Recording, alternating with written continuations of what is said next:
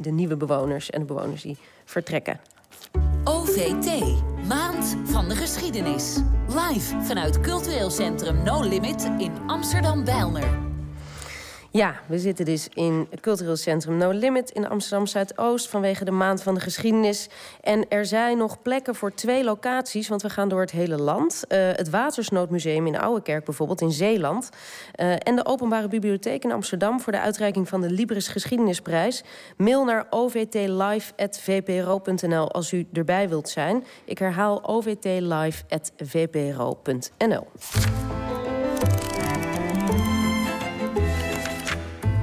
Boeken. Met Nadia Boeras.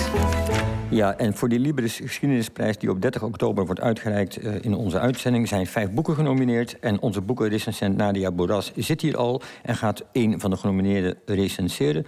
Nadia, welkom. Ja. Uh, je hebt een hele stapel boeken voorbereid ja. en we kunnen er misschien maar één of twee doen. Dat gaan we allemaal merken, want we hebben wat, uh, dankzij Max Verstappen wat minder tijd. altijd Max dankbaar. Um, om, om, om welk, welk boek is genomineerd dat je eerst gaat bespreken? Um, het boek dat ik bespreek is uh, het boek van Bart van der Boom... De politiek van het kleinste kwaad. Een geschiedenis van de Joodse Raad in Amsterdam. 1941 tot 1943. Um, het is ja, uh, politiek van het kleinste kwaad. Dat verwijst natuurlijk naar redden wat er te redden valt. Hè.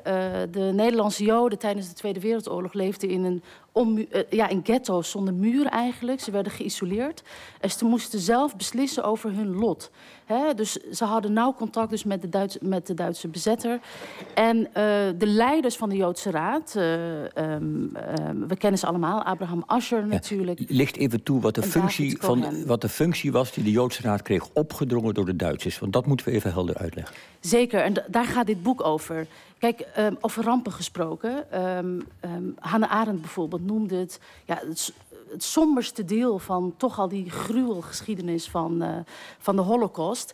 En uh, de Joodse Raad, dat was geen uniek Nederlands verschijnsel. Je had in al die bezette landen had je Joodse raden. En zij gingen eigenlijk over, zij vertegenwoordigden de Joodse gemeenschap en hadden dus direct contact met de Duitse bezetter. Als de Duitsers bijvoorbeeld zeiden... maak de mensen maar klaar om uh, ja, uh, te sturen naar het oosten... om het maar even eufemistisch te zeggen... dan moest de Joodse Raad daarvoor zorgen. En dat ging vrij ver. Bijvoorbeeld met uh, rugzakjes... Wat moest er allemaal in die rugzakjes? En mensen die de spulletjes niet konden betalen... dus laarzen, drie stel onderbroeken, een warme trui... ja, zo gruwelijk was het... En dan zorgde de Joodse Raad dat die rugzakjes er waren. En die werden dan keurig uh, gedistribueerd, naar, aan de mensen gegeven. Denk aan de gele ster bijvoorbeeld. Als je geen gele ster kon kopen, want dat moesten de Joden dus zelf kopen... dan kon je er een krijgen van de Joodse Raad. En, um, dus het is een huiveringwekkende geschiedenis, heel aangrijpend. Ik heb regelmatig het boek ook opzij moeten leggen. Uh, maar aan de andere kant is het ook een page-turner. Want je wil heel graag lezen. En het boek gaat over de Joodse Raad. Dus je, je, je kijkt uh, vanuit het perspectief van de mensen... welke afwegingen moest, moesten ze nou maken. En die titel is prachtig gekozen. De politiek van het kleinste kwaad. Dat ging erover redden wat er te redden valt. En misschien, als we nou meewerken met de Duitsers... dan kunnen we erger voorkomen. Want niemand wist natuurlijk dat Auschwitz bestond. En dat mensen vernietigd werden. Dat mensen uitgeroeid werden. Ja. Dat wist niemand. Ja, nou is, is er dus heel veel discussie altijd geweest... al eigenlijk vlak na de oorlog over de Joodse Raad. Hè. En we hebben nu pas ook weer die, die, dat, die rampzalige uh, kwestie gehad... met het verraad van Anne Frank, een nieuw Amerikaans uh, hysterisch boek... waarin werd gesuggereerd dat de Joodse Raad mede verantwoordelijk zou zijn... voor het verraad van Anne Frank, althans een medewerker van de Joodse Raad. Allemaal onzin blijkt achteraf. Maar in elk geval, uh, het is zo dat die naam van de Joodse Raad is, is niet goed. Wat heeft Bart van der Boom willen doen? Heeft hij die van die slechte naam willen bevrijden? Ja. Heeft hij het willen nuanceren en is hij daarin geslaagd? Het is inderdaad het ultieme verraad. Hè? Door je eigen mensen verraden worden om zichzelf te redden. Dus er zit ook een element van egoïsme. Jarenlang was dat het dominante beeld.